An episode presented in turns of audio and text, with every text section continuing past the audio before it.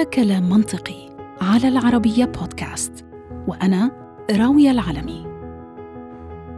كرة القدم المستطيل الأخضر معشوقة الملايين والساحرة المستديرة إلى آخره.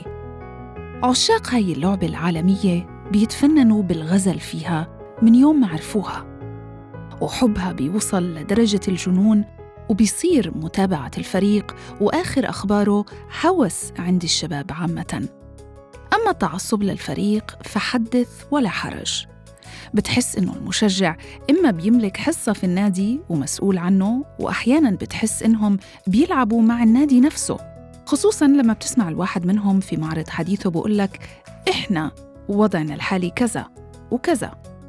ولكن إحنا اشترينا أو بعنا اللاعب الفلاني بس انتو كذا وكذا كوني بنت من جيل أقدم من الحالي كان كلام الأهل والإخوان أو الأصدقاء وفي مرحلة لاحقة الزملاء صيني بالنسبة إلي لما بيبدوا يحكوا عن كرة القدم فلا أنا فاهمة عن شو عم بيحكوا أو حتى عن مين ولا قادرة أفهم من وين بيطلع هذا الجنون والهوس بكرة القدم وليش؟ السبب اللي خلاني أبحث في هذا الموضوع هو جملة قالها ابني إلي من فترة لما لقيته زعلان فسألته عن سبب زعله فلاحظت إني بسمعه كتير بردد إنه فريقه خسر فاستغربت إصراره على تشجيع فريق هيئته نادراً ما بيفوز فسألته طب ليه ما تشجع فريق تاني من اللي بيفوزوا؟ نظرته إلي بالفعل خوفتني بصراحة فكان رده يا ماما فريقك اللي بتشجعيه مثل أمك. برأيك لو مر عليكي فترة وكنت ضعيفة فيها لازم أروح أدور على أم تانية؟ بصراحة صدمني بهذه الإجابة. فقررت أفهم قصة كرة القدم. وفي بداية بحثي قررت أكتب عن اللاعبين العرب المحترفين والمشهورين بس لحتى أتفاجأ أنه حسابياً عددهم قليل جداً نسبياً. فأخذ البحث منحنى آخر تماماً. ولحتى نفهم أسباب عدم احتراف اللاعبين العرب خارجياً أوروبياً أو عالمياً معنا الكابتن علي مراد. كابتن علي مراد هو لاعب كرة قدم سابق بنادي النصر الإماراتي ومدرب كرة قدم سابق أيضاً بنادي النصر ومساعد مدرب الفريق الأول السابق بنادي النصر ومساعد مدرب منتخب الإمارات الأول لكرة القدم سابقاً. خلينا ندخل في الموضوع على طول. العرب تعدادهم ما بين 300 و 350 مليون نسمة. متوسط التعداد السكاني لدول أوروبا مركز الاحتراف الرئيسي عالمياً ما بين 40 ل 50 مليون نسمة تقريباً لكل دولة. يعني العالم العربي بيعادل سبع دول أوروبية من عالي السكان. طيب شو بيفسر هذا العدد المنخفض جدا إذن من اللاعبين اللي احترفوا في الدوريات الأوروبية؟ حبيت أبدأ من 30 ل 40 سنة مضت وأشوف مين من لاعبين العرب احترف أوروبياً فخلصت إلى الأسماء التالية. رابح ماجر الجزائري غالباً الاسم الألمع في نهاية الألفية السابقة وهو من حقق أغلى ألقاب أوروبا دوري الأبطال عام 1987 مع فريقه البرتغالي بورتو. المغربي نور الدين نايبت ولعب تقريبا عقدين من الزمان في الدوري الإسباني وحقق بطولات كتيرة. هاني رمزي نجم خط دفاع المنتخب المصري في تسعينيات القرن الماضي اللي قضى حياته محترف بين الدوريين السويسري والألماني. المصري أحمد حسام والشهير بميدو واللي لعب في كل من بلجيكا وهولندا وإسبانيا وفرنسا وإيطاليا بالإضافة لإنجلترا. أحمد المحمدي المصري واللي ما زال بيلعب مع ناديه الإنجليزي أستون فيلا. مصطفى حاجي المغربي واللي انتقل بين أندية أوروبا من فرنسا إلى البرتغال إلى إسبانيا فإنجلترا حاتم الطرابلسي اللي قضى مدة احترافه ما بين هولندا وإنجلترا والزبير بيا اللي لعب في ألمانيا وتركيا. وأخيراً كل من المصريين محمد صلاح ومحمد النني وحكيم زياش ويوسف العربي المغاربة. والكثير الكثير من اللاعبين ذو الأصول العربية الذين يحملون جنسيات أجنبية. هاي كانت عينة بتجمع ما بين القديم والجديد ليومنا هذا. وعذرا إذا كنت نسيت بعض الأسماء لأني بصراحة بخاف من ثورات غضب المشجعين المتحمسين. لذلك وجب الاعتذار المسبق. لكن ما لفتني هو أنه تقريبا جميع الأسماء تبدو آتية من الشق العربي الإفريقي. فوين لاعبين أكبر قارة في العالم؟ آسيا. المواهب موجودة في, في, في, في خاصة في الخليج والدول العربية. بس المشكلة آه، الثقافة ثقافة الاحتراف مش موجودة عند اللاعب العربي. مش الكل الأغلب. آه، بخصوص اللعيبة اللي احترفوا خارج خارج المحيط. آه، يعني ينعدل على الاصابع هي أول شيء لازم تكون فيها ثقافة. بالأساس لازم هذه تبنيها من تحت. شو شو بتقصد كابتن لما بتحكي ثقافة الاحتراف اللي مش موجودة عندنا؟ ثقافة الاحتراف فيها وايد أمور مثل ما أقول لك يعني فيها انضباط تقيد التزام آه، كيف أحافظ على نفسي؟ كيف أنا أدي تماريني؟ هل أكون مجتهد؟ متى أنام؟ متى آكل؟ شو شو اللي شو اللي يخليني أنا آكل؟ شو اللي أقوي من ضعفي؟ فيها وايد أمور إنك أنت تكون كلاعب محترف. وهذا الشيء بتحس إنه هو مش موجود عند اللاعبين العرب آه، أو الخليجيين. هاي الثقافة مفقودة. ثقافة موجودة موجودة. م. هاي ثقافة مفقودة. يوصل اللاعب في سن 17 أو 18 سنة آه يتي له عرض احتراف إنه يوقع عقد مع النادي. فلما يوقع عقد مع احتراف مع النادي فيكون آه خلاص أول شيء يفكر في المال. ما يفكر إنه كيف يعني يطور من آه، مواهبه أو كيف يطور من نفسه أو انضباطه. هل أنا آه، أكون في هالنادي أستمر ولا أروح آه، لأوروبا أو لخارج المحيط حسب إني أحترف؟ يعني الطموح غير موجود أصلا؟ طموح. أكثر شيء طموح. جميل إنك ذكرت إنه يعني هاي الثقافة ثقافة الاحتراف يجب أن تكون موجودة من الصغر. وأنت خصوصا عندك خبرة كبيرة في هذا المجال لأنك أنت يعني لعبت ودربت أيضا الفئات العمرية الصغيرة. يعني إلى أي مدى هي مسؤولية الأندية أو هي ثقافة المجتمع مسؤولية الأهل لحتى يكون عند اللاعب بسن صغيرة تبدأ هذه الثقافة ثقافة الاحتراف تكون موجودة. هذه تكون مع الأهل والأندية والاتحادات. م. لا هاي ثلاثة آه، النادي والاتحاد آه، واللاعب في محور واحد. لازم النادي لما أنا أرسخ في اللاعب ثقافة الاحتراف لازم يكون إداري محترف عندي. وقبل ما يكون إداري محترف لازم رئيس النادي يكون محترف. فما ينفع أن أنا أجيب أجيب, أجيب لاعب وأخليه أثقفه بخصوص الاحتراف بس أنا إداري مش محترف. كيف بنميه بعقلية الاحتراف؟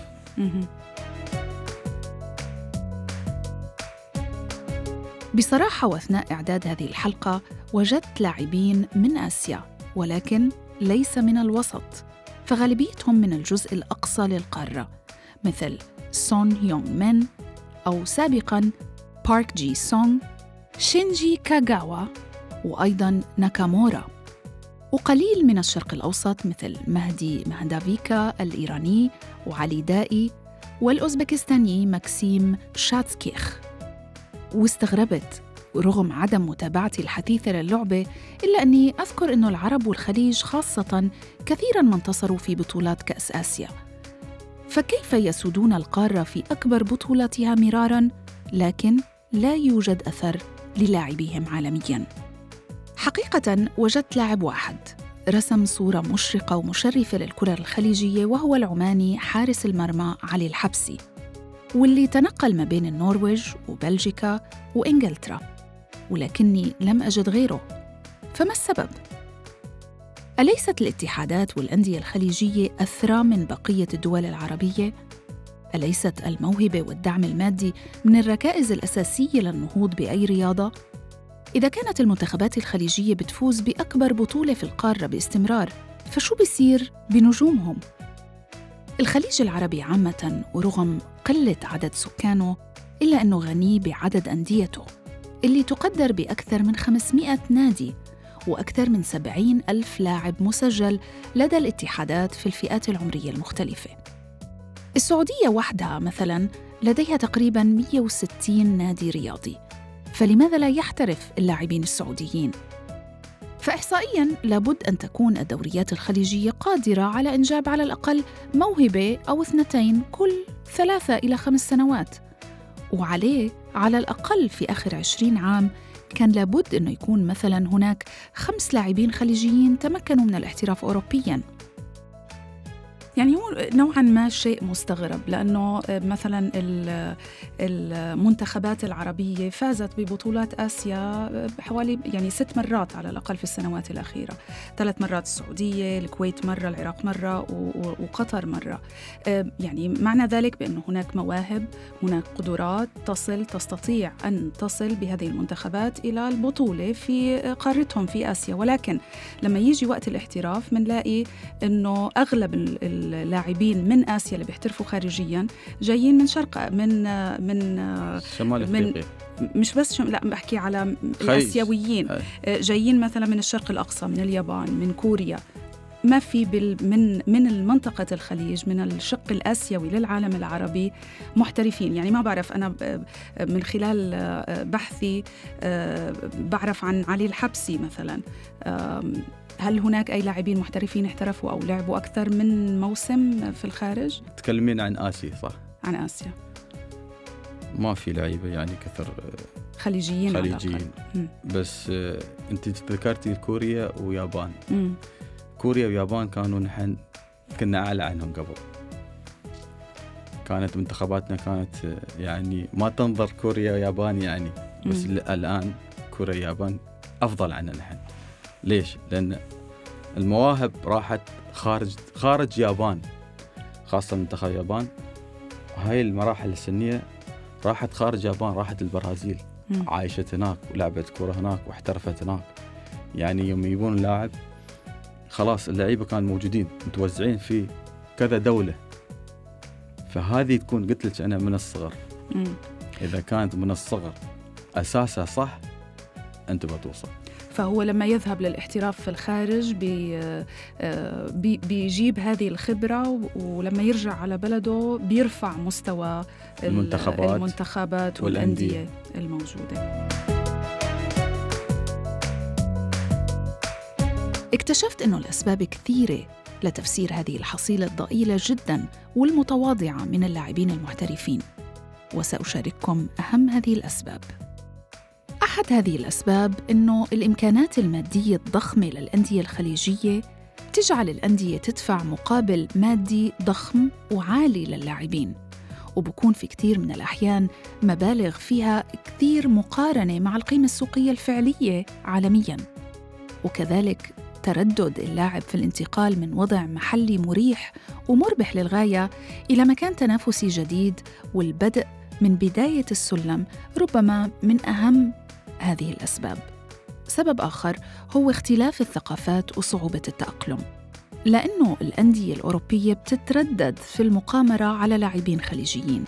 كون الكثير ممن حاولوا الاحتراف الأوروبي اشتكوا من صعوبة التأقلم وضغط الالتزام وهي أشياء لم يألفوها في أنديتهم أو في بلدانهم.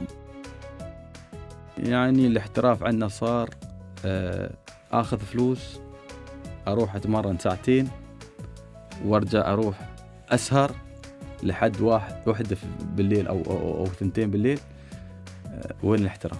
وين الانضباط؟ اللاعب في أوروبا وظيفة. عندنا إحنا لا. لحد الآن هواية.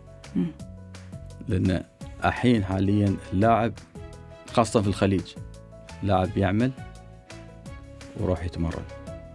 أو ما بيتفرغ يعني ل لكرة القدم و... لا ما في مو مو والاحتراف. اي لأنه ما عندنا احتراف كلي لنا سبب آخر هو النجومية. اللاعبون الخليجيون يعاملوا كنجوم صف أول في بلدانهم وفقدان هذا البريق بعد الانتقال لأوروبا والقفزة من نجم إلى لاعب أجنبي مغمور لا تستهوي هؤلاء اللاعبين. أيضاً غياب الأكاديميات الرياضية للفئات العمرية الصغيرة وضعف نتائج هذه الفئات في البطولات القارية حيث بيعتمد كشافو المواهب على هذه البطولات عادة لإيجاد النجم القادم وهو في عمر صغير نسبياً مواهبنا موجوده بس أنت كيف تنمي مواهبك؟ مم. اللعيبة نفس القدرات الموجودة في الخليج نفس القدرات الموجودة في أوروبا بس مثل ما قلت لك بعيد بكرر ثقافة الاحتراف هي المربط. من أحد الأسباب أيضا الخوف من فكرة الاحتراف. فبالكاد هناك تجارب خليجية ناجحة وكثير من التجارب كانت قصيرة أو فاشلة لسبب أو لآخر. وخير مثال الإماراتيان حمدان الكمالي وفيصل خليل. والسعودي أسامة هساوي قديما سامي الجابر حسين عبد الغني والعماني عماد الحسني. أيضا من أحد الأسباب هو اللغة حيث غالبا ما بيتكلم العرب في الشق الإفريقي أكثر من لغة بجانب اللغة الأم أي اللغة العربية. وهو ما بيسهل حياتهم وبيسهل أيضا اندماجهم في بيئتهم الجديدة. الهجرة أيضا هي أحد الأسباب. الهجرة منتشرة في القسم الأفريقي لأسباب عدة سواء كانت طوعية أو لا. لكن هذا ساهم في وجود مجتمعات عربية في المهجر وهذه المجتمعات استفادت من البنى التحتية الرياضية واندماجهم في الاحتراف في سن صغيرة سهل عملية فهمهم والتزامهم حين الوصول للفرق الأولى في أنديتهم. كما نعرف طبعا لا يوجد هجرة للخليجيين وبالتالي يبقى الاندماج في سن أكبر. من أصعب التحديات. سبب آخر هو قلة الصبر والتفكير الاستراتيجي للاعبين. وبتشكل في قلة صبر اللاعبين وإيمانهم بطريقة سير العملية حيث بيضطر اللاعب الجديد للجلوس على دكة الاحتياط لفترة خصوصاً بعدما كانوا نجوم في أنديتهم المحلية. كما إنهم دوماً بيحاولوا إنه يبدأوا مشوارهم مع الفرق الكبيرة وبيرفضوا العروض من الأندية والدوريات الأصغر. بالرغم من إنها البوابة الأكبر والطريق الأقصر للأندية والدوريات الكبرى شو المطلوب؟ هذا هاي نقطة مهمة كتير آه، كابتن، شو المطلوب لحتى نخلق أو نبلش آه، يعني آه، نزرع هاي ال- البيئة الاحترافية أو الثقافة الاحترافية في لاعبينا منذ الصغر، شو هو المطلوب؟ المطلوب الانديه أول شيء م. أنا كيف أزرع آه إن هذا الشخص لما يطلع أقدر من سن 16 أو 17 سنة يمكن يحترف خارج الدولة كيف أزرع له هذه؟ كيف أخليه إنه يروح؟ صح إن عاداتنا تختلف. تقاليدنا تختلف في أوروبا. بس م. أنت تبغي توصل إن لعيبتنا يحتكون في الخارج ويكون منتخب بني قوي. مم. فلازم آه الكل يشارك فيها مثل ما قلت لك. الأندية الاتحادات آه الأهل إني أزرع في انه يروح يكون صبور يكون منضبط. ما. في شيء بالساهل يعني نحن نحن تعودنا يعني في, في, في الخليج الحمد لله. يعني بلد خير. لازم يكون في انضباط ومثابرة وجهد. والسبب الأخير برأيي المتواضع على الأقل وهو أكبر وأهم الأسباب بتمثل برفض الأندية الخليجية لترك لاعبيها الموهوبين للاحتراف. وطبعا هذا لضمان بقائهم مع فرقهم وتحقيق النتائج محليا وتقديم المصلحة الشخصية للأندية على المصلحة الوطنية ومنتخباتها. زي ما ذكرت هناك مسؤولية على الأقل على الأندية والاتحادات طب يعني في حال أنه كان هناك آه، موهبة آه، تريد أن تخرج مثلا للاحتراف في الخارج آه، خلينا نقول في الخليج ولكن النادي لا يريد أن يخسر مثل هاي الموهبة صحيح. أو نجم نجم لاعب النجم في هذا النادي طيب هل بنفع أو هل يمكن للاتحاد أنه يحط ضغط على النادي لحتى يسهل عملية نقل اللاعب للاحتراف خارجيا؟ المفروض اللاعب أول شيء هو له رغبة إنه يروح خارج. إلا ما له رغبة ما يقدر الاتحاد يضغط على الأندية. أول شيء اللاعب شيء ثاني النادي يوم يوقع العقد مع اللاعب بيكون آه خلاص أنت ملك للنادي وأنت عقدك مع النادي. فمستحيل أي عرض اللي يبيه. طبعا إذا اللاعب نفسه يبغي ترى بيروح. لأن العقد اللي بيجي أقل من العقد اللي موجود. آه عادة عادة. بداية الاحتراف في الخارج ماديا بتكون أقل, أقل. ربحا من عقده أقل في, في النادي أقل المحلي. أقل. فلازم عنده المثابرة إنه يروح يحترف. يبغي يبرز للناس. يبغي آه مثل ما قلت لك يتنازل مم. عن وايد أشياء. إذا ما تنازل عن المبلغ اللي موجود هنا. لا بيقول أنا خلاص أنا عندي مبلغ كذا. فليش أصير أتغربل وأروح أعيش و... وأتعب و... وأتعب؟ مم. هو يعني شيء ملفت بما إنه مثلا في بعض الأسماء العربية اللامعة هلأ في الاحتراف الخارجي مثل محمد صلاح يعني بتشعر وكأنه جيل كامل يتطلع أنه يكون مثل محمد صلاح.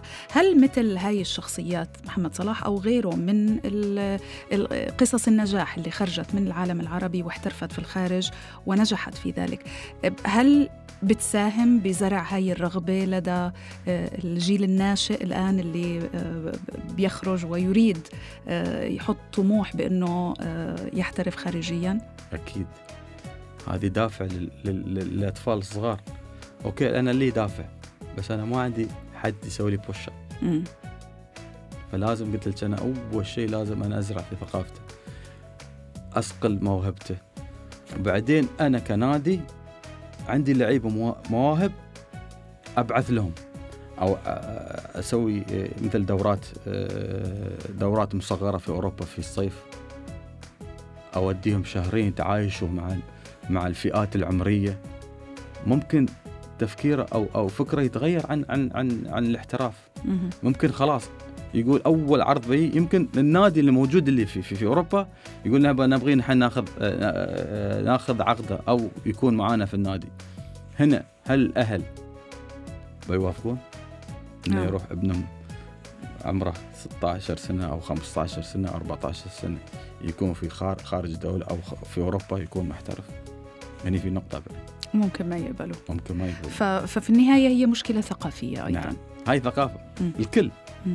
وبدها بدها وقت لحد, وقت. لحد ما تتغير يبغى وقت فإن شاء الله في تغيير بتكون يعني في أشياء آه، أنا أنا إن شاء الله آه، إحنا سارين في في في في وجهه فإن شاء الله الأشياء كلها هاي تتغير.